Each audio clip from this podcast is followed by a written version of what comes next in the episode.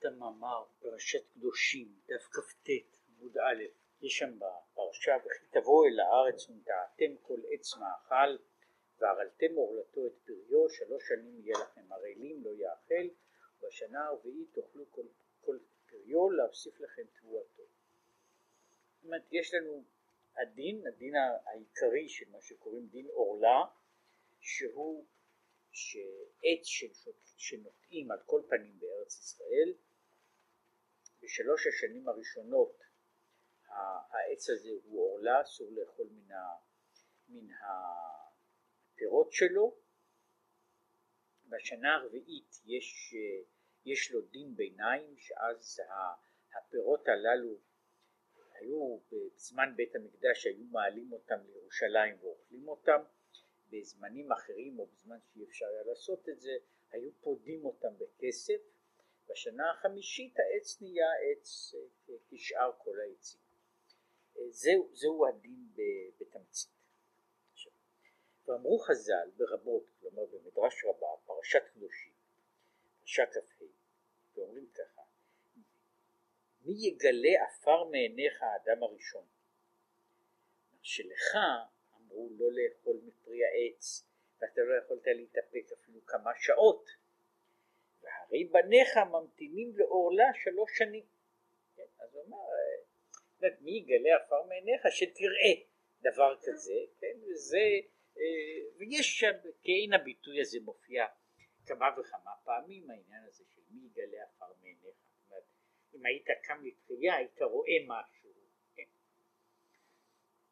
על כל פנים זה, והנה, מזה יש ראיה לפירוש השח על התורה, שהוא פירש שמה, הוא כותב שמה בעניין הזה לגבי הקטע הזה הוא כותב שפירש שמצווה זו של עורלה היא תיקון לחטא עץ הדעת שנאמר בו גם כן טוב העץ למאכל זאת אומרת הצירוף הזה של עץ מאכל הוא לא צירוף כל כך מצוי זאת אומרת טוב העץ למאכל והאדם הראשון נצטווה עליו כמו שאנחנו אומרים בשעה תשיעית זאת אומרת שזה שעה תשיעית זה אם מתחילים את הבוקר מההתחלה אז בערך ביום כמו זה זה בערך בשעה שלוש ובשעה עשירית עבר.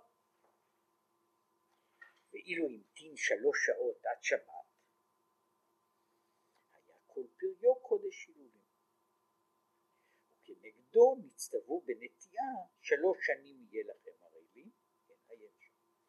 כן הוא, הוא מפרש עניין העורלה הוא כנגד העניין של, של אה, עץ הדעת. זאת אומרת שבעץ הדעת, וזה מופיע בהרבה ספרים, שעץ הדעת, שהחטא באכילה מעץ הדעת היה שהאדם הראשון אכל אותו מוקדם מדי. לו היה אוכל, היה מחכה עד, עד שבת, היה, הוא היה, היה, היה הקדוש ברוך הוא מתיר לו לאכול מעץ הדעת, והכל היה בא על מקומו בשלום. אלא שהוא לא התאפק, משום כך זה היה החטא, משום כך נגזרה עליו הגזרה, וכל, וכל המשך הדברים הלאה מזה. ולכן השח כותב על התורה, הוא כותב על הקשר הזה בין הדברים, הוא אומר שחטא, כשהוא כותב על העניין הזה שיש קשר בין דבר לדבר, זה מעין מה שישנו במדרש, וזהו כוונת המדרש, והרי בניך שבזה הם מתקנים חטא עץ אדם הראשון בעץ הדת. כן, זו הייתה בעצם הערה שהיא לא קשורה למאמר כולו, אלא היא רק אה, להכניס את המאמר הזה לתוך, אה, אה, את המאמר הזה לתוך, לתוך עניין הפרשה, שעל כל פנים העולה מן הדברים הללו הוא ש... שיש ש, של העורלה ותיקון העורלה על ידי חטא עורלה הוא מעין חטא עץ הדת וכיוצא.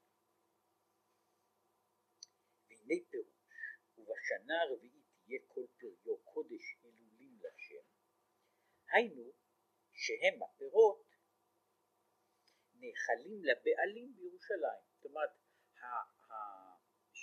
שאמרתי שמביאים את הפירות בשנה הרביעית לירושלים, לא כמתנה למישהו, אלא רק הם נאכלים, זה, יש להם סוג מיוחד, כמו שיש למעשר שני, זה קדושה מיוחדת, שקוראים לה נטע רבעי, והם הדברים שמעלים לירושלים, והם נאכלים דווקא בעיר, בתוך התחום של, של העיר ירושלים. כן, ויש על זה אה, כמה וכמה פרטים, ויש בתוך, בתוך ההלכות הללו מתי מביאים, מאיזה מרחק מביאים, באיזה מרחק פודים אותם, שגם כשפודים אותם מביאים את הכסף לירושלים, ושם קונים פירות בירושלים, שיש להם את הדין הזה של, אה, של מה שנקרא נטע רבעי. ודבר זה, הילולים לשם הוא, שנושאו שם לשבח והלל לשמיים. זה דבר אחד, אם זה קודש הילולים, מביאים אותו לירושלים, אה, אני מתאר לעצמי שאז לא היו בירושלים אה, חיי לילה, אז ממילא ישבו בירושלים ועסקו, ב... היו מהללים את הקדוש ברוך הוא בזמן הזה שהיו אוכלים את, ה... את, ה... אה, את הפירות הללו. והנה כתיב, יש פסוק מעין זה, ששם עלו שבטים, שבטי יה, עדות לשם, להודות לשם הוויה. אותו דבר יש לנו העניין הזה שעולים לירושלים, אז יש לנו את זה, מופיע, הוא מביא רק את העניין בהקבלה, שאנחנו מוצאים את העניין הזה של קודש הילולים, שהוא מתפרש לפי מסורת חז"ל, שקודש הילולים לשם פירושו שמביאים אותו לירושלים כדי, ושם זה המקום שמהללים את שם השם, וכיוצא בזה הוא מביא מספר תהילים אותו דבר ששם עלו שבטים להודות לשם השם, זאת אומרת יש לנו אותו עניין שהעלייה לירושלים עם כל השייך אליה היא עניין של להודות לשם השם. עכשיו מה שהוא נכנס אליו הוא בעצם קשור לא לבעיה, הוא רק נאחז בפרט הזה, אבל הוא ממשיך ממנו לעולם אה, יותר רחב. ויש להבין עניין ההודאה וההלל שאנו מהללים אותו יתברך. לאיזה עניין? עכשיו הוא נכנס ואומר, אנחנו מדברים על הילולים לשם ולהודות לשם, אבל בשביל מה? בשביל מה אנחנו מהללים את השם? בשביל מה, אנחנו, בשביל מה צריך הודאה והילול? הלא הוא יתברך מרומם על כל ברכה ותהילה. זאת אומרת, מעבר לעניין הזה, בעצם הקדוש ברוך הוא למעלה מכל התהילות והתשבחות. וכמו שכתוב, לך דומיית תהילה. זאת אומרת שבעצם מה, שאפשר, מה שאנחנו אומרים הוא, הוא וזה קשור לדבר אחר, אבל הוא יסביר אותו. קודם כל, מה הקדוש ברוך הוא צריך זה? יתר על כן, אנחנו איננו יכולים להלל אותו, גם אם היינו, גם אם היינו, היה בזה עניין להלל אותו, אנחנו איננו יכולים להלל אותו גם מצד אחר, משום שאנחנו לא לפי הערך אה, להלל אותו. ומה שאנחנו אומרים הוא סוג מסוים לא רק של עילגות לשון, שאנחנו לא, אלא שבעצם יש משהו, אפשר להגיד את זה,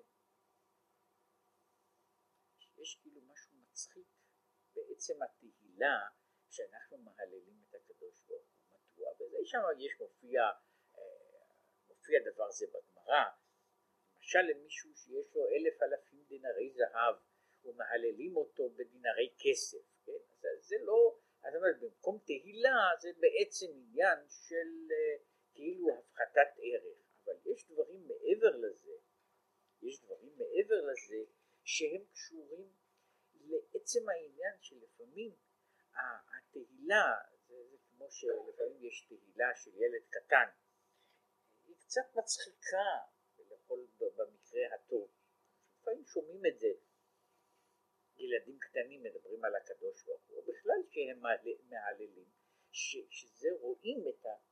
חוסר הפרופורציה בין מה שילד קטן משיג לפי ההשגות שלו, ושהוא אומר דברי שבח ותהילה למישהו, כן, אז הם, הם מגוחכים מפני שהמהולל והמשובח אה, איננו של...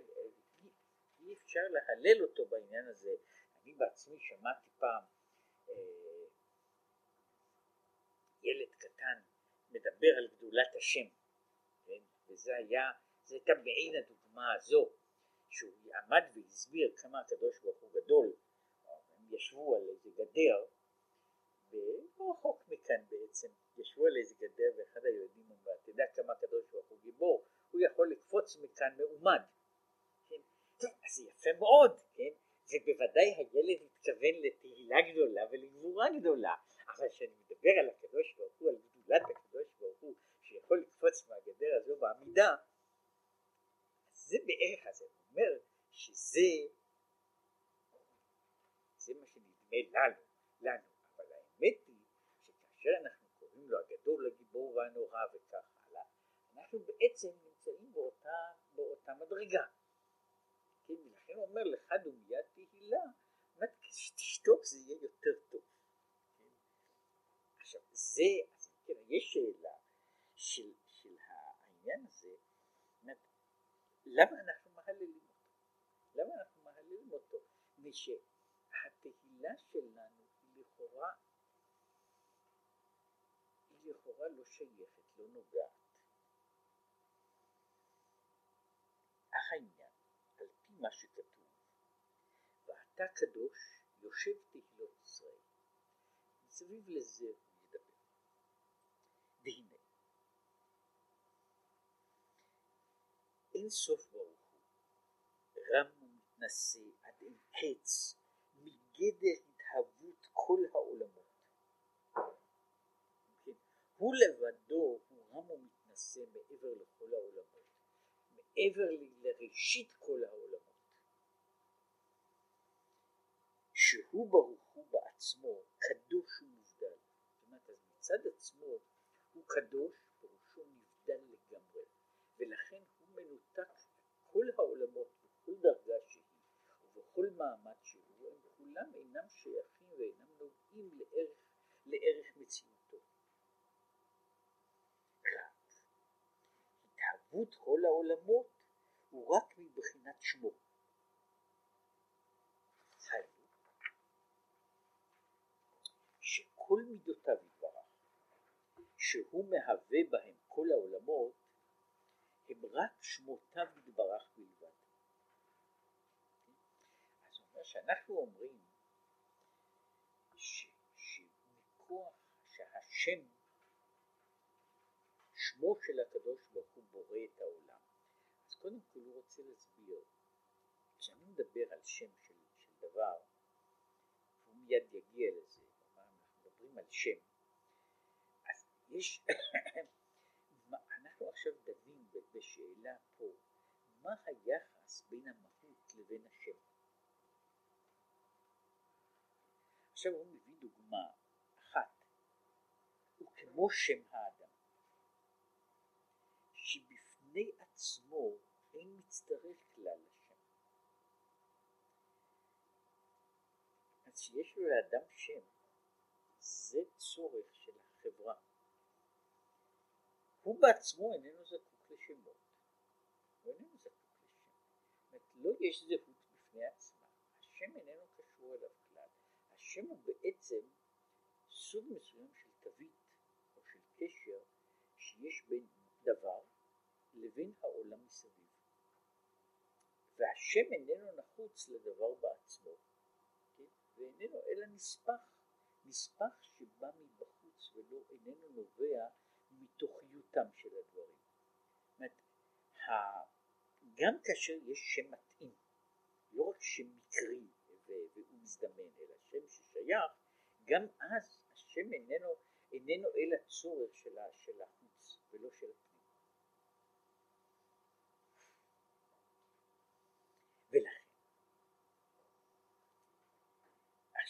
עכשיו, עכשיו הוא, הוא, הוא אחר כך ידבר על זה ידבר על זה יותר, שלפי זה, מהו היחס בין נושא השם והשם? הוא במקום אחר, הוא מדבר על, ולא במקום אחד, מדברים על המאור והאור, הזיו שיוצא. אנחנו מדברים על, המשפיע והמקבל, הסיבה והמסובב. העניין של שם הוא במובן מסוים יחס יותר רחוק, ובמקום, במקומות אחרים מבארים יותר את החלוקה העיונית של, של, ה, של הדבר הזה, מפני שכאשר אני מדבר למשל על האור, בכל אופן האור יוצא מן המאור. נכון שאני מתייחס אל האור ולא אל המאור, וזה חלק מהעניינים שהם שייכים בהגדרה הזו בכלל בהערה, בהערות עליונות או בהערות אחרות, אני הרי אינני מתייחס אל המאור, אל הדבר לעצמו. אני מתייחס אל מה שהמאור משפיע לדברים אחרים, לעולמות אחרים, למציאויות אחרות. אני אינני מתייחס אל האור, אל המאור בעצמו. אבל האור הוא דבר שנובע מן המאור. ההשפעה נובעת מן המשפיע. וגם כאשר יש לנו השפעה לא רצונית, גם אז היא קשורה ונוצרת מחמת המשפיע. אבל כאשר אנחנו מדברים על העניין הזה של שם, הרי לכאורה השם הוא לא דבר שנחוץ לה, הוא נחוץ או קשור לדבר כשהוא לעצמו. הוא זקוק לשם. השם הוא רק, בכל מקרה, הוא דרך של, של קשר בין בעל השם לבין, לבין מציאות מבחוץ. ובעל השם איננו נזקק לשם כשלעצמו.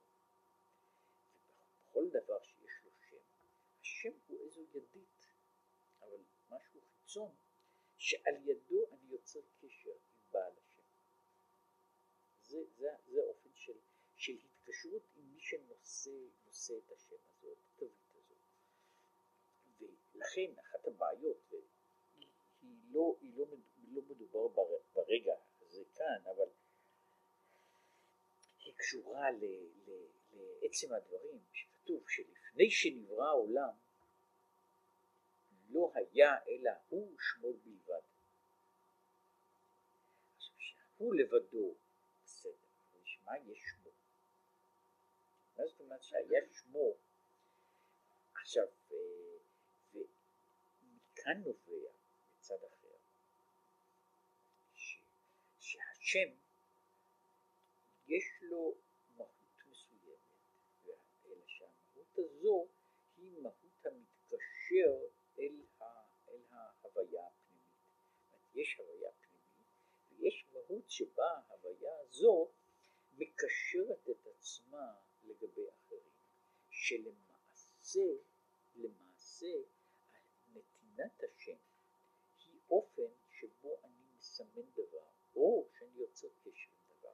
עכשיו זה יכול להיות כמו שאנשים נפגשים זה עם זה. לפעמים אני פוגש מישהו והוא קורא לי בשם. כשאני פוגש דברים בעולם, אני קורא להם בשם. יש גם אופן אחר, מציג את עצמי בשם.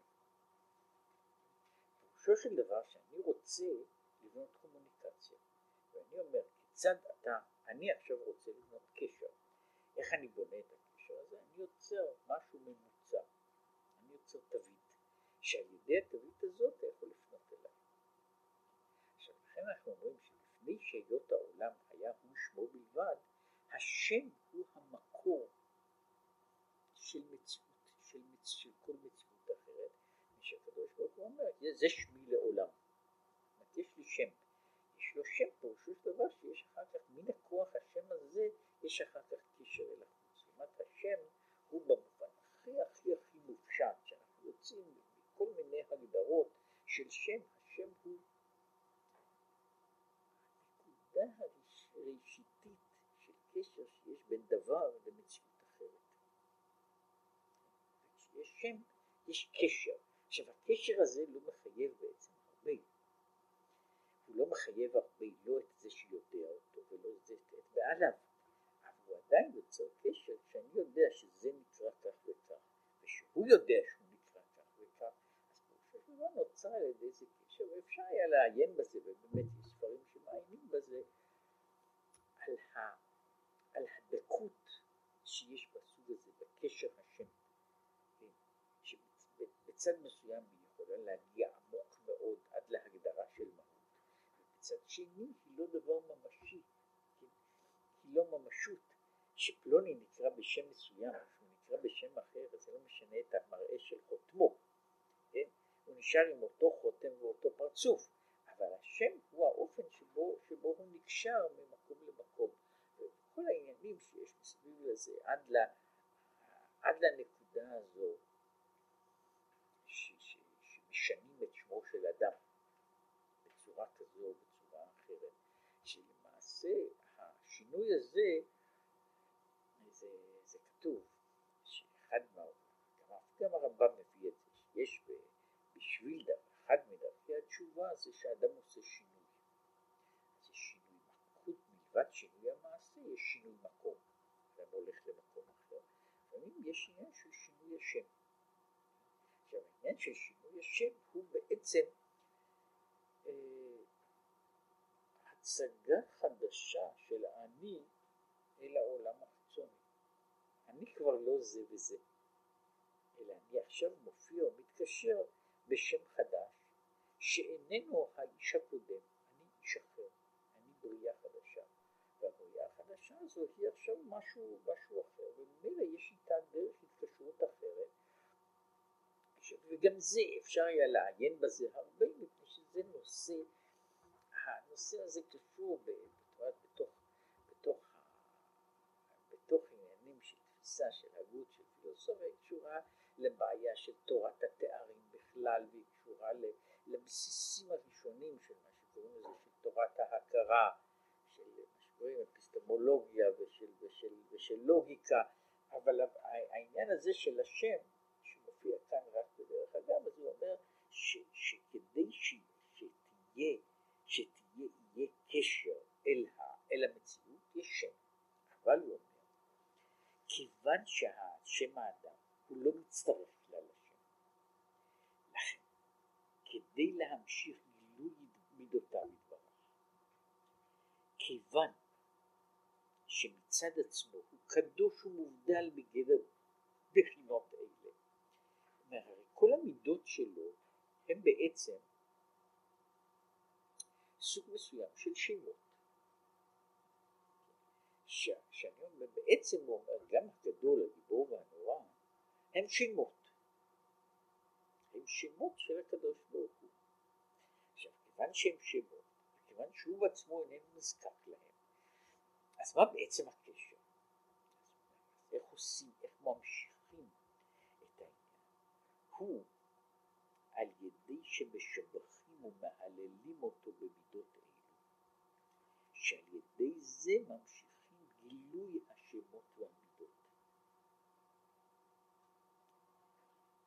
ועל דרך משל באדם, שצריך חברו אליו להשפעת חסדו. אני רוצה, אני מבקש ממישהו, אני רוצה ממישהו טובה, צריך טובה. והוא באותה עת בכעס ורוגז גדול. חבר, שנמצא, הוא רחוק ממידת החסד. זה, כשקורא אליו חברו, לשבחו, איך שהוא בעל חסד גדול. על ידי זה מעורר אצלו את מידת חסדו, שיתגלה אליו, שייתן לו את בקשתו. אף שמידה זו הייתה אז בהיעלם גדול, אף על פי כן מעוררה על ידי השבח וקריאת שם חסדו. עכשיו הוא נכנס לשאלה הזאת קודם כל יש דבר, וזה, על זה מופיע, זה מופיע הרבה,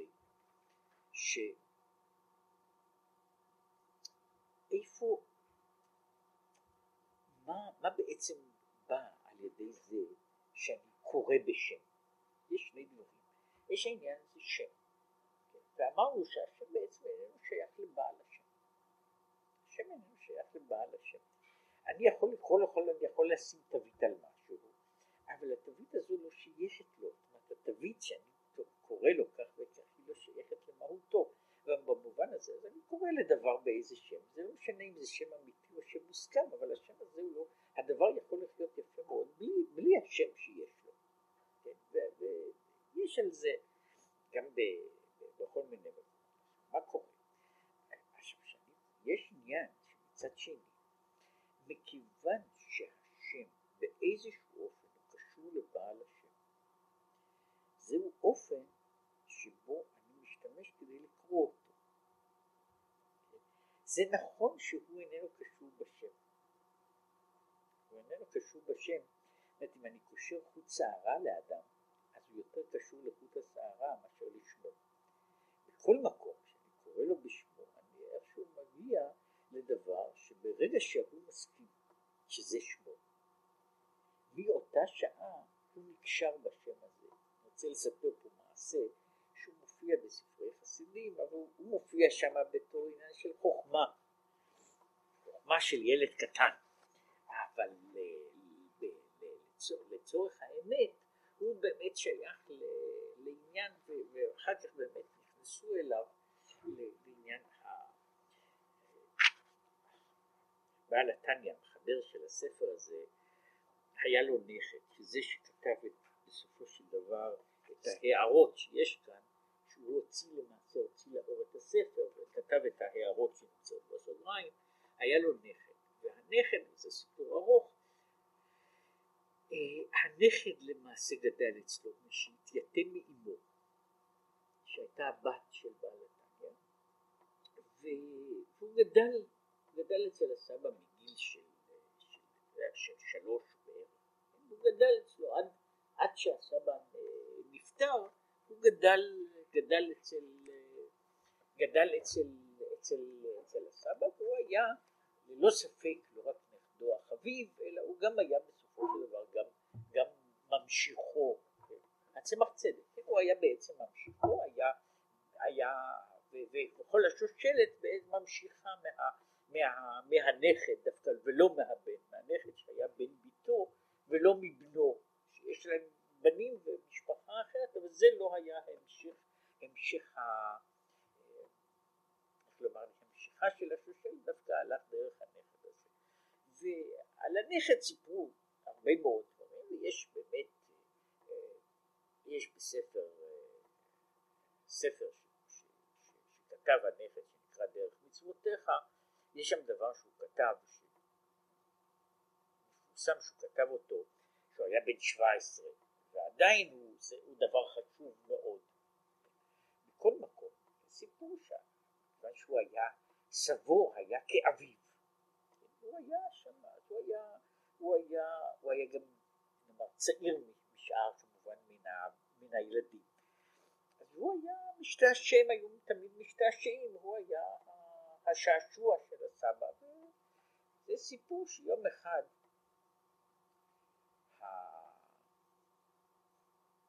הסבא יושב עם הנכד שהיה אז כבן שלוש, כבן ארבע, והסבא שואל אותו, איפה סבא? טוב, אז הוא נוגע בו, הוא אומר, הנה סבא. זה לא סבא, זה הגוף של סבא. הילד חושב, ואז הוא נוגע לו בראש. זה, זה הראש של סבא, זה לא סבא. אז הילד באמת נמצא במבוכה, ואז הוא חושב וחושב ואומר סבא, ואז הוא מסתובב ואומר הנה סבא, זהו סבא. עכשיו למעשה הסיפור הזה, הסיפור הזה שהוא סיפור על חוכמה, הוא בעצם שייך לעניין שלנו בתמצית, בעומק, כן? שזה העניין הזה של הקריאה, איך אני מגלה, זה למעשה, יש שם, כל, כל התורה הזו כולה, כולה שייכת לאותו עניין שזה מה שקוראים לזה, וקראתי בשם השם. כן? לקרוא בשם השם, לקרוא בשם השם, מכיוון שהוא מסכים שזה שמו, כן? מכיוון שהסבא מסכים שהוא סבא, כן? אז באותה שעה שאני קורא לו, באותה שעה שאני קורא לו, אז זה, זוהי קריאה אל עצמו, זוהי קריאה אל עצמו, ואז הוא נענה, ולכן הוא אומר שכל העניין הזה שאני מהלל, אני מהלל או משבח, מזכיר את השם. מזכיר את השם. זה עניין של אני יוצר את הקשר ביני לבין הנקרא לפי השם הזה. עכשיו, מכיוון שיש ל... שיש ל... אם יש לאדם יותר משם אחד, הקריאה בשם הזה. וההתייחסות אל השם וההילול, מה שהוא קורא לזה ההילול והשבע, הוא יצירת קשר, אני מושך את המהות דרך, דרך הקשר הזה, ויותר מזה אני מושך את המהות באופן המסוים והמיוחד הזה. ש, שזה קשור, כל העניין הזה של השמות הוא, אה, הוא קשור גם לדבר, לאמיתו של דבר, הרי כל אדם יש לו, אפילו לאדם, יכול להיות שלחפץ יש שם אחד, אבל לאדם יש בדרך כלל הרבה שמות, כל בן אדם, מעבר יש לו שם פרטי, יש לו שם משפחה, יותר מזה יש לו גם שמות שהם בנויים לפי הפונקציות שלו, בשביל מישהו זה בעלי בשביל מישהו זה אבא, בשביל אחר זה סבא, בשביל אחר זה בני. זה אותו בן אדם, אבל יש לו בהיקף הרבה שמות, והוא יכול להיות בשביל אנשים אחרים הוא מרקו כך וכך, או הבוס, או הגנרל, כן? או, השמש, אבל מבחינה זו יש לאדם, מסתכלים על אדם אז רואים שבעצם האדם מוקף ברשימה של שמות. ברשימה של שמות, שכל אחד מהם הוא לא רק שם של תו שמתווה אותו, ודאי שמישהו אבא בשבילי, אז זה אבא, אז זהו קשר ביני ובינו שהוא הולך עם התווית הזאת, אבל הקשר הזה הוא קשר גם עם משמעות, הוא לא קשר סתמי, צירוף אותיות, אלא קשר עם משמעות. עכשיו, זה פשוט קורא למישהו, ואני קורא לו מר פלוני, יש לו סוג אחד של תגובה. כשאני קורא לו אותו בן אדם, אני קורא לו אבא, אז יש לו סוג אחר של תגובה. זאת אומרת שהתגובה, שהשם, אף על פי שזה אותו בן אדם, וזו אותה קריאה, אבל הקריאה הזו, השינוי, השינוי בשם, הוא שינוי למעשה של המשכה של התייחסות אחרת. כשאני בא למישהו, נאמר, באיזשהו נמצא במפעל גדול ואני אומר לו שזה זה כך וכך מנהל המשמרת אז הוא בא בתור מנהל משמרת עכשיו כשאני קורא לו אבא שהוא יכול במקרה להיות מנהל משמרת אז הוא מתייחס באופן אחר וכך הלאה והלאה והלאה שיש לו כמו שאמרתי לכל אדם יש בדרך כלל יותר משם אחד? ולפעמים השמות הללו הם מערך שלם ושונה מאוד, כן, שמות מלמעלה, מלמטה וכיוצא בזה. עכשיו קריאה בשם והדגשה של השם הזה היא מעוררת למעשה גילוי של בעל השם ולא סתם גילוי אלא גילוי באופן המסוים הזה. ולכן כשאני קורא לפלוני בשם מסוים שהוא לא רק, שהוא שם בעל משמעות. אני למעשה קורא לו שהוא יענה ושהוא יגיב, או כמו שאומר פה, שהוא יתגלה לפי הדרך המסוימת ששייכת לשם הזה. ולכן, כשאני קורא לבן אדם, קורא לבן אדם, זה לא משנה מי הוא, אני קורא לו בתור בעל החסד והצדקה פלוני. ברגע שהוא יתחיל לשמוע אותי, אז הוא יצטרך להיענות לי בתור בעל החסד והצדקה. אם הוא, ו, וככל שאני אעמוד על זה יותר, אז העניין הזה יגיע לידי גילוי. הוא יגיע, יגיע לידי גילוי. זאת אומרת, אני יכול לצעוק למישהו אה, פעם, סיפרו שאצל הרבי מקוץ, כשהיו שם הרבה חסידים מעצים. כן, עמד מישהו ומתפלל וצועק בתפילה תתה תתה אבא אבא ומישהו ככה עובר וזה היה בהחלט, בהחלט לפי העניין והוא אומר יש מופיע בגמרא ודילמה לאו אביו הוא ודילמה לאו אביו הוא אולי זה לא אבא שלו אתה צועק אבא אבא אולי זה לא אבא. ואז הביאו את העניין הזה אל הרבי. מפני שזה בהחלט היה מתאים להם העניין. והרבי אמר שצריך לצעוק כל כך הרבה עד שהוא נהיה אבא. עכשיו זה קשור לאותו דבר שמדבר פה על התהילה זאת אומרת אני יכול, יכול להיות שמישהו כאילו כרגע הוא נמצא במקום אחר הוא לא חושב על הקשר הזה הוא לא חושב על הקשר של אבא כן?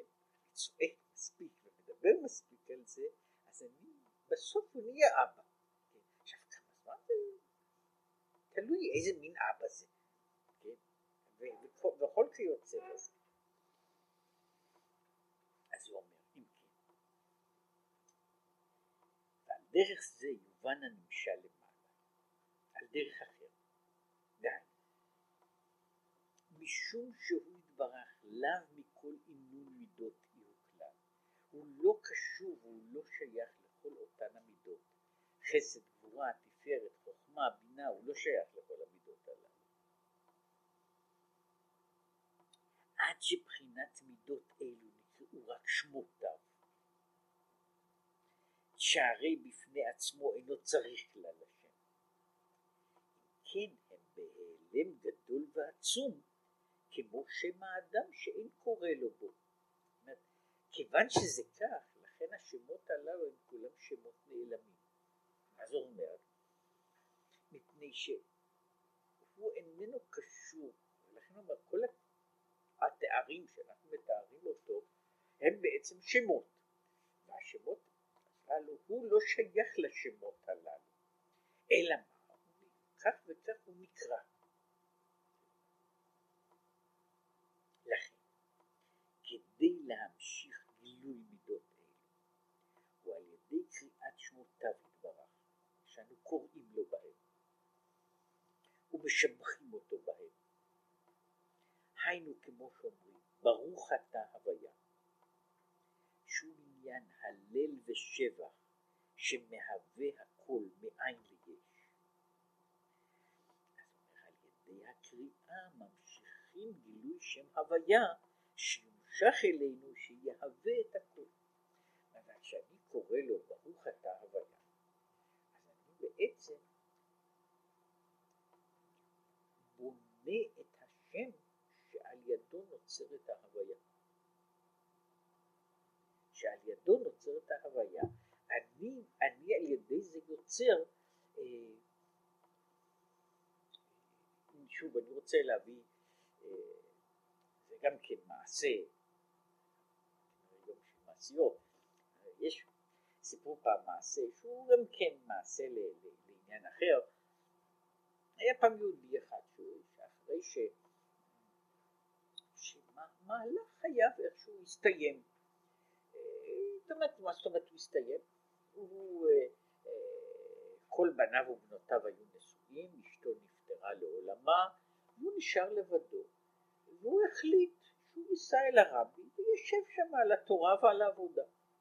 והלך ונסע לשם, הוא לא זקוק, למה זקוק? בן אדם, בן אדם שהוא לא רוצה שום דבר, הוא צריך שם, הוא צריך שיהיה לו, שיהיה לו איזה פינה לישון בה ו, ו, ו, ו, ו, ומשהו, ומשהו לאכול, זה, אפשר היה בכל זמן, באמת שבן אדם חי, הוא ככה חי במשך איזה זמן. ויום אחד ביתו חשבה שמן הראוי לבקר את אבא. הגיע לבית המדרש, שאלה וקראו לו, והוא יצא. הוא יצא והיא שאלה אותו מה שלמה והוא עונה לה.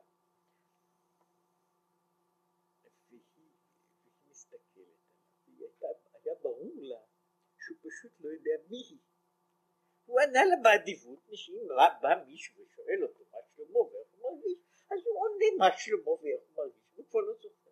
ואז היא התחילה לבכות, היא בוכה לו, אבא, אתה כבר לא זוכר מי אני.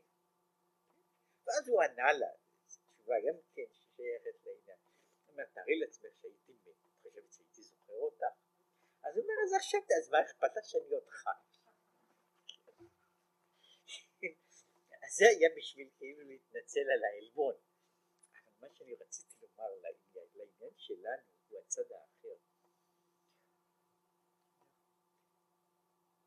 יוצא, מה קורה? שאני שכחתי שיש לי קשר מסוים כזה. אני שכחתי קשר. אני שכחתי שאני אבא. אני שכחתי. קורה שבן אדם עבר לאיזה מקום והוא שכח קשר מסוים. הוא שכח קשר שהוא היה באיזשהו עכשיו אני צריך, שאני רוצה שוב לגלות את הדבר, אני צריך עוד פעם לקרוא, ועל ידי זה אני יוצר מחדש את הקשר הזה. אני יוצר מחדש את הקשר הזה שהיה פעם, היה כאילו קיים, הוא עכשיו לא נמצא בתודעה. עכשיו כשאני קורא בשם השם, אני בעצם מחדש את הקשר, כן? אני מחדש את הקשר משבח אותו ואני קורא בשמו ועל ידי זה מכיוון שהשם הוא נקודת הקישור אני מקשר את הדבר. ואז נוצר מחדש היחס הזה. נוצר מחדש היחס הזה שהיחס הזה הוא לא היה קיים לולא היה לו המפתח המסוים הזה. וזהו פירוש הפסוק תא קדוש יושב תהילות ישראל. כלומר, שהוא יתברך מצד עצמו קדוש ומוגדר. אתה קדוש, וקדוש פירושו מעבר, מעבר למציאות, מעבר לעולמות. ושיהיה יושב, כלומר נמשך למטה, שהמשכה נקראת בשם ישיבה, כמו היושב. יורד יותר למטה, הוא על ידי תהילות ישראל, שעל ידי ההילול והשבח גורמים הגילוי וההמשכה. אז אומר, אתה קדוש, זה שאתה יושב פה, זה מפני שזה בנוי על תהילות ישראל. שתהילות ישראל גורמים, גורמות לך לשבת פה. ולכן, הילול גם כן לשון הערה. השורש הזה, הלל, יש לו משמעות, משמעות של שבח ומשמעות של הערה, כמו בהילו נרו עלי ראשי. כן? זאת אומרת שזה העניין הזה של ה... של ה... של ההערות בהער... בהעירו את נרו עלי ראשי, ומכאן יש עכשיו שימוש אה, לשון יחסית חדש, הילה במובן הזה של, של אאורה, של, של אה, מעגל או, או שפיעה של, של הערה, שהיא באה מאותו דבר, אבל היא קשורה לאותו עניין הזה של להלל. אם כן, ההילול הוא הערה, והוא העניין, וזהו ששם עלו שבטים להודות לשם השם. דקאי זה מתייחס, הפסוק הזה מתייחס מתייחס על מה שכתוב לאל מיני. לפני זה, ירושלים הבנויה כעיר שחוברה לה יחדיו, שהוא בחינת ירושלים, שהוא בחינת ירושלים של מעלה. דהיינו, ברוך השם מן העולם ועד העולם, להמשיך מעל מדית קסיה לעל מירושלים של מעלה לירושלים של מטה, וזה ששם עלו שבטים להודות לשם השם, שהם על ידי זה קושרים את ירושלים. של מעלה עם ירושלים? של מטה. והוא העניין על דרך זה הוא עניין יהיה כל פריו קודש הילולים להוויה. אז עכשיו, פה היה עניין, זאת אומרת באות הזו בעיקר, אחרי ההקדמה הראשונה, שהייתה אה, אה, העניין של, של, של אה, עניין העורלה, שהוא יגיע אליו מיד מחדש, אבל הוא דיבר עכשיו על העניין הזה, מה זה קודש הילולים, ודיבר בעיקר על ההילולים ועל המושג של ההלל. והוא דיבר עכשיו על ההלל מבחינה זו, לשם מה אנחנו מהללים. שם מה אנחנו מהללים. וכי הוא זקוק לתהילתנו, וכי אנחנו יכולים לנגוע בדבר שהוא תהילתו. זאת אומרת, אז שני הדברים הללו לא שייכים. הוא מסביר שהתהילה היא בעצם האופן שבו אנחנו קוראים. כן, אנחנו קוראים בשמו. שכל תהילה, אלא שההבדל, ההבדל במובן הזה בין בקשה ותהילה, הוא שבתהילה אני יוצר את העניין הזה שלא על ידי, לא בדרך של בקשה ישירה, אלא על ידי זה שאני מנסה להביא להתגלות של, של מידה מסוימת, להתגלות של מידה, וכשהמידה הזו מתגלה, ממילא היא שופעת השפעה והערה, ולכן אומר זה העניין הזה של ברכה, שכל ברכה שעומדת על ברוך אתה הוויה, היא בעצם תהילה על ההוויה, והיא בעצמה יוצרת הוויה. מפני שאומר שהתהילה הזו היא שוב מחדשת את ה... מחדשת את הקשר, מה שקוראים במובן מסוים, זה אה, כמו שמזכירים למישהו, כמו שמזכירים למישהו, והוא בעצם הוא לא שם, מדוע מישהו, וזה זה אמרו בכלל, שאנשים שוכחים מה שלא חשוב בעיניהם. זה מה שחשוב מאוד בן אדם לא שוכח. פעם אמרו את זה, שיש מעט מאוד אנשים שכמה שהוא עסוק במחשבה, שכשהוא אוכל מרק, שהוא ישים את, ה, את הכף באוזן ולא בפה. כן? למה? זה חשוב לו, ולהצליח, הוא זוכר, למרות שהוא עכשיו עסוק ולא חשוב במה, הוא עדיין זוכר להכניס את המרק לתוך הפה ולא לא לאוזן. עכשיו זה סימן שמה שחשוב זה נכון לגבי הרבה מאוד דברים שלכן יש דברים שאנשים זוכרים במצבים נורמליים וכשהוא נמצא במצב לא נורמלי בן אדם באמת יכול לשכוח אותם כן? בן אדם יכול לשכוח אותם מפני שהם באמת יוצאים הוא יוצא מתוך הגדר הזה וזה תלוי הרבה מאוד בתוך, בתוך, בתוך דברים אחרים זאת אומרת אנשים למשל לא נתקלים בדברים כן? אבל בן אדם יכול להיות מצב שאדם יהיה כל כך שקוע במחשבה שהוא ייתקל בדברים. כן? זאת אומרת, שהוא באמת שקוע והוא לא, הוא מאבד את תשומת הלב וכל כל כיוצא בזה קשור, בו, קשור באותו עניין. עכשיו, כל, זה עניין של, של השכחה או של חוסר תשומת הלב שהוא בא מאיזשהו ריחוק. עכשיו, מה אני עושה לצורך זה? אני מזכיר. ואני מעורר יחס מסוים בין הדברים. עכשיו, כיוון שהקדוש ברוך הוא בעצם העניין הוא קדוש, זאת אומרת הוא רחוק מהעולם, אז זה כבר יכול, יוצא שהוא שוכח את העולם. שוכח את העולם. כן?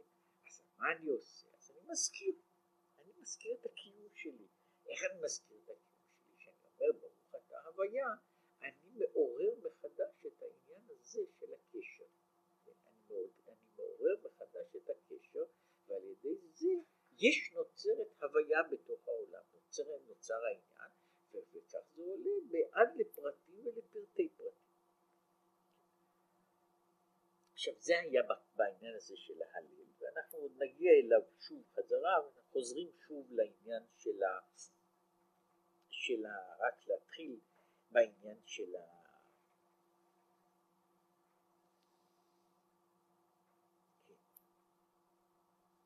והנה, בזוהר, חלק ג', פרשת קדושים, פירש המניין שלוש שנים ערלים, בשנה הרביעית וכך הלאה. אז הוא אומר השנה הרביעית דה כנסת ישראל, דאי קיימה רביעה לקורסיה, דהקדם מזדווג בקודשא בריחו בכנסת ישראל. אז שמה הוא אומר, יש העניין של כשמדברים על ארבע הרגליים של כיסא הכבוד, אנחנו אומרים שהארבע הרגליים הללו הן שייכות לשלוש מידות, חסד, גבורה, תפארת ומלכות. והמלכות שהיא כנסת, שהיא השכינה, שהיא כנסת ישראל, היא הרגל הרביעית של הכיסא. היא הרגל הרביעית של והיא אז ההשלמה, ולכן הוא אומר שהרגל הרביעית היא נקראת העניין הזה של קודש הילולים, וזה העניין הזה של, ה, של הרביעי בתור, בתור ישראל בתוך העניין הזה. עכשיו זה, זה היה אופן אחד לדבר על השלוש שנים והשנה הרביעית. אז יוצא שיש שלוש שנים שבצד הזה, אני רוצה להסביר משהו אחר כך עובר כמעט לכיוון אחר, כמעט לכיוון הפוך, שפה יוצא שה, שכאילו זה לא שהפרי נעשה, אה, הוא, הוא מגיע להשלמה ששלוש השנים הראשונות הם למעלה מדי. ואז הם לא אוכלים אותם, לא משתמשים בהם. בשנה הרביעית הפרי כבר מגיע למדרגה שהיא שייכת אל תוך מציאות העולם, ושם יכול להיות קשר. ואז זה קודש לול. עכשיו במקום אחר, מעין זה, הרמז, משה זקון, שהוא מפרש את הזוהר, כותב ככה, בשלוש השנים הראשונים לנטיית האילן בארץ, מקבלת הארץ עליונה מבחינת שלוש ספירות אחרונות, שהן נצח עוד יסוד. ובשנה הרביעית מקבלת מתפארת, ואז דווקא הילולה השתקע. אז יוצא דבר אחר, שאז נוצרת התפארת ואז הוא הולך מלמטה למעלה. זאת אומרת הוא הולך, השנה הראשונה, השנייה והשלישית הן שייכות לדרגות נמוכות יותר, בשנה הרביעית יש דרגה יותר גבוהה שהיא דרגת התפארת ובדרגה הזו יש, יש שבח, יש מה שהוא קורא לזה קודש הילול. עכשיו הוא מאיר פה, אמנם אם זה מובן, ואף היא מקבלת מנצח עוד יסוד מדוע יהיה בפירות איסור כל כך להיות ערלים לא יאכל?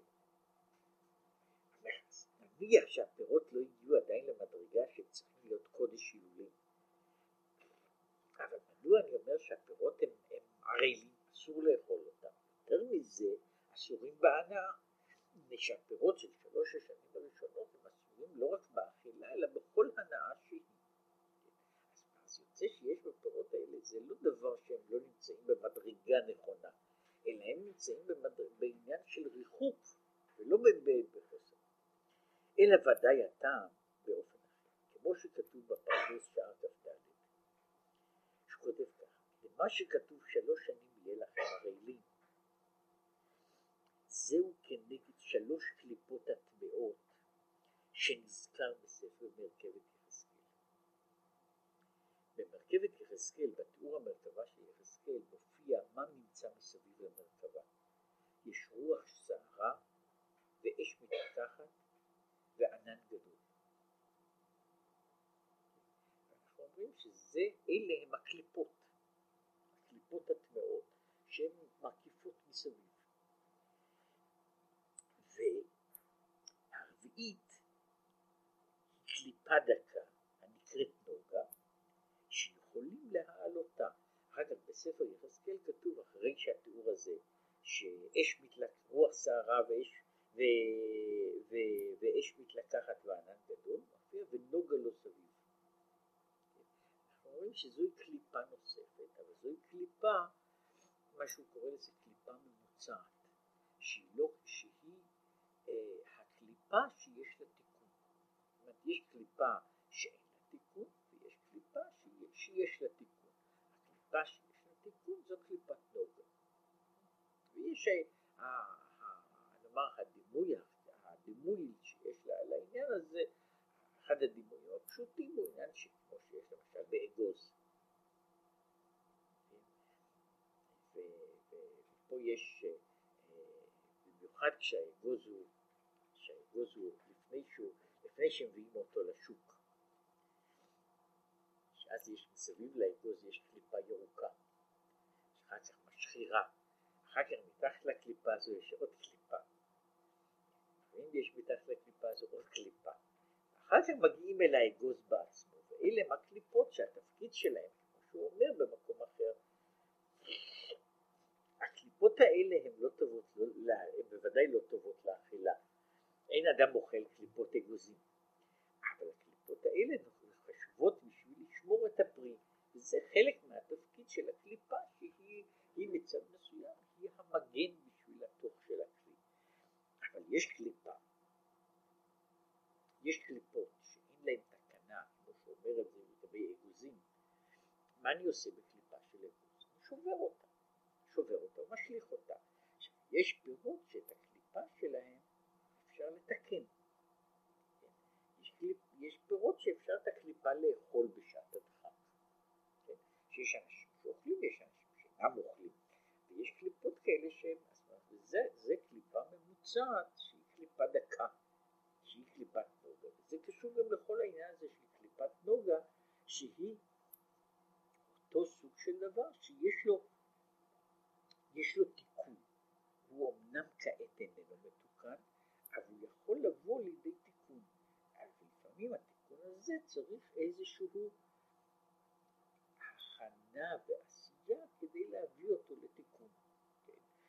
למשל בקליפות של תפוזים אפשר לעשות תיקון, כן? אף על פי שהתיקון, שהתיקון לא בקליפה הפנימית של אגוז אי אפשר לעשות לאכול, אפשר לעשות תיקונים אחרים, אבל לאכול אותם, לאכול אותם אה, לא אוכלים, אבל יש לעומת זאת, יש דברים שיש להם תיקון וזה קשור, כל אחד תלוי לפי, לפי המהות שלו, אם זה דבר לתיקון, לפעמים הוא ניתן לתיקון באש, לפעמים הוא ניתן לתיקון במים, ויש כאלה שניתנים לתיקון על ידי זה שמשתמשים בהם לאיזה שימוש, ויש כאלה שאין להם, שאין להם אה, תיקון כלל, יש גם, יש, יש, אה, זה לא קשור לעניין הזה, יש קבלה של לקרוא לזה, יש בישול של קבלה או קבלה של בישול, אז יש גם דברים כאלה, שיש למשל מיני פירות, שהם בעצמם, שהפרי בעצמו, הוא, הוא איננו ניתן, איננו ניתן לאכילה, אלא על ידי תיקון. שהפרי הזה אי אפשר לאכול אותו, לאכול אותו כשהוא, לא רק כשהוא בוסר, אלא גם כשהוא מבשיל, אי אפשר לאכול אותו. אז יש פירות כאלה, כמו אה, למשל, יש פרי שהוא כנראה נקרא בגלל השם הזה חבוש. כן? עכשיו חבוש, אומרים, לפחות בספרים, שהוא נקרא חבוש, מפני שזה כלי ש... פרי שאיננו נאכל חי. הוא חבוש, הוא אסור. הוא אסור במצב הזה. מבשלים אותו ואוכלים אותו. עכשיו, יש פירות אחרים, למשל, זו בעיה לגבי תפוחי אדמה. כמה אפשר לאכול אותם? יש פירות אחרים שהם נאכלים בכל מיני מקומות בעולם, יש גם פרי כזה בארץ, שהוא עכשיו לא, לא במודה באכילה, שהפרי בעצמו הוא רעיל, ורק אחרי שמתגנים אותו, אחרי שמתגנים אותו, הוא לא רק שהוא נעשה יותר טוב או שהוא ניתן לאכילה, שהוא נעשה מאכל אדם, אלא שהוא בלי זה הוא פשוט רעל, ורק כאשר, כאשר מעבירים אותו, צולעים אותו באש, הרעילות יוצאת ממנו, ואז הוא ניתן להיאכל, הוא מאכל אדם, כן, אבל הוא זקוק, הוא זקוק, מה שהוא קורא לזה, שיש דברים שהם זקוקים לתיקון, שאפילו הפרי הוא גם כן פרי, פרי של קליפה, והפרי הזה זקוק לאיזה תיקון. עכשיו יש פירות ששום תיקון לא יעזור להם, זאת אומרת שזה שהם קוראים שיש קליפה גמורה שאין לה תיקון. זאת אומרת שכמה אני יכול לצלות אותו ולבשל אותו והוא עדיין הוא יהיה, הוא יהיה קליפה. יש דברים שאני, שאני עושה בהם תיקון, ששמים בהם תיקון, יש כאלה במלח, במים, בבישול, באופן אחר שאני עושה תיקון לדבר מפני שהוא שייך לקליפת נוגה, זאת אומרת קליפה שיש לה תיקון. אז עכשיו אותו דבר אומר ככה, זה יוצא ששלוש השנים הראשונות הן בבחינה של של שלוש קליפות הטמעות. לקליפות הטמעות אין תיקון. השנה הרביעית היא בבחינה של קליפת נוגה. קליפת נוגה היא קליפה שיש לה תיקון. לכן הפירות הללו אינם מותרים כמות שהם, אלא הם זקוקים איזה, לאיזה תיקון, מעלים אותם לירושלים, ואז הם נעשים, הם מגיעים לתיקון שלהם. אז זה עניין של קודש הילולים לשם. והוא אומר שבה, וכן כתוב בספר שערי אורה בעניין שלוש פעמים כי עמילם, כן? שיש דברים שצריכים דברים שאפשר לתקן אותם. כן? וכן כתוב בזוהר על פסוק שלוש שנים יהיה לכם ערלים, כתוב בדיוק אותו דבר, שזה שייך לשלוש קליפות הטבעות, ולכן זה איסור גמור ואיסור הנאה, שאין לו תקנה.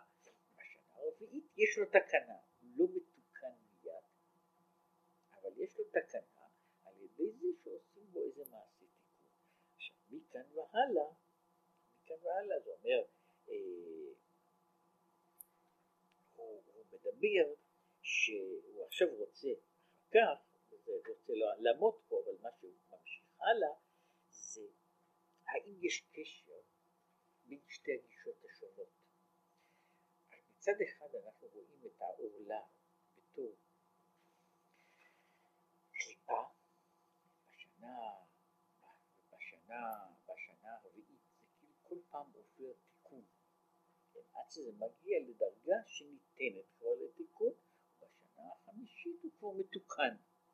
מתוקן. עכשיו, יש דבר שזה, זה, שזה יוצא שזה מעין התהליך של הבשלה, שיש להרבה דברים, שיש הרבה דברים שבזמן כל זמן שהם בוסר, לא רק שהם לא טעימים, אלא הם יכולים להיות גם להיות רעילים.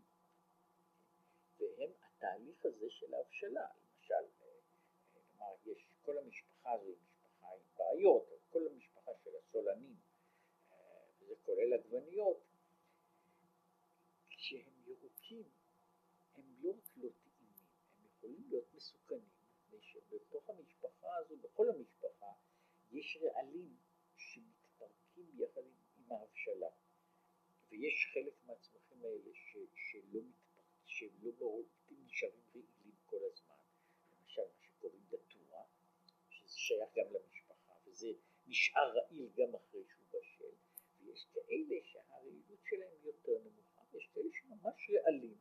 אפשר להרוג בהם אנשים שאוכלים אותם שלא בזמן. במובן הזה אפשר לראות כאילו את התהליך של צמיחת האילן באמת תהליך הבשלה.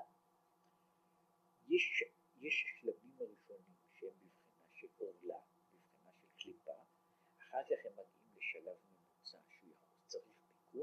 עד שמגיעים למצב שהם כבר לא צריכים את התיקון הזה.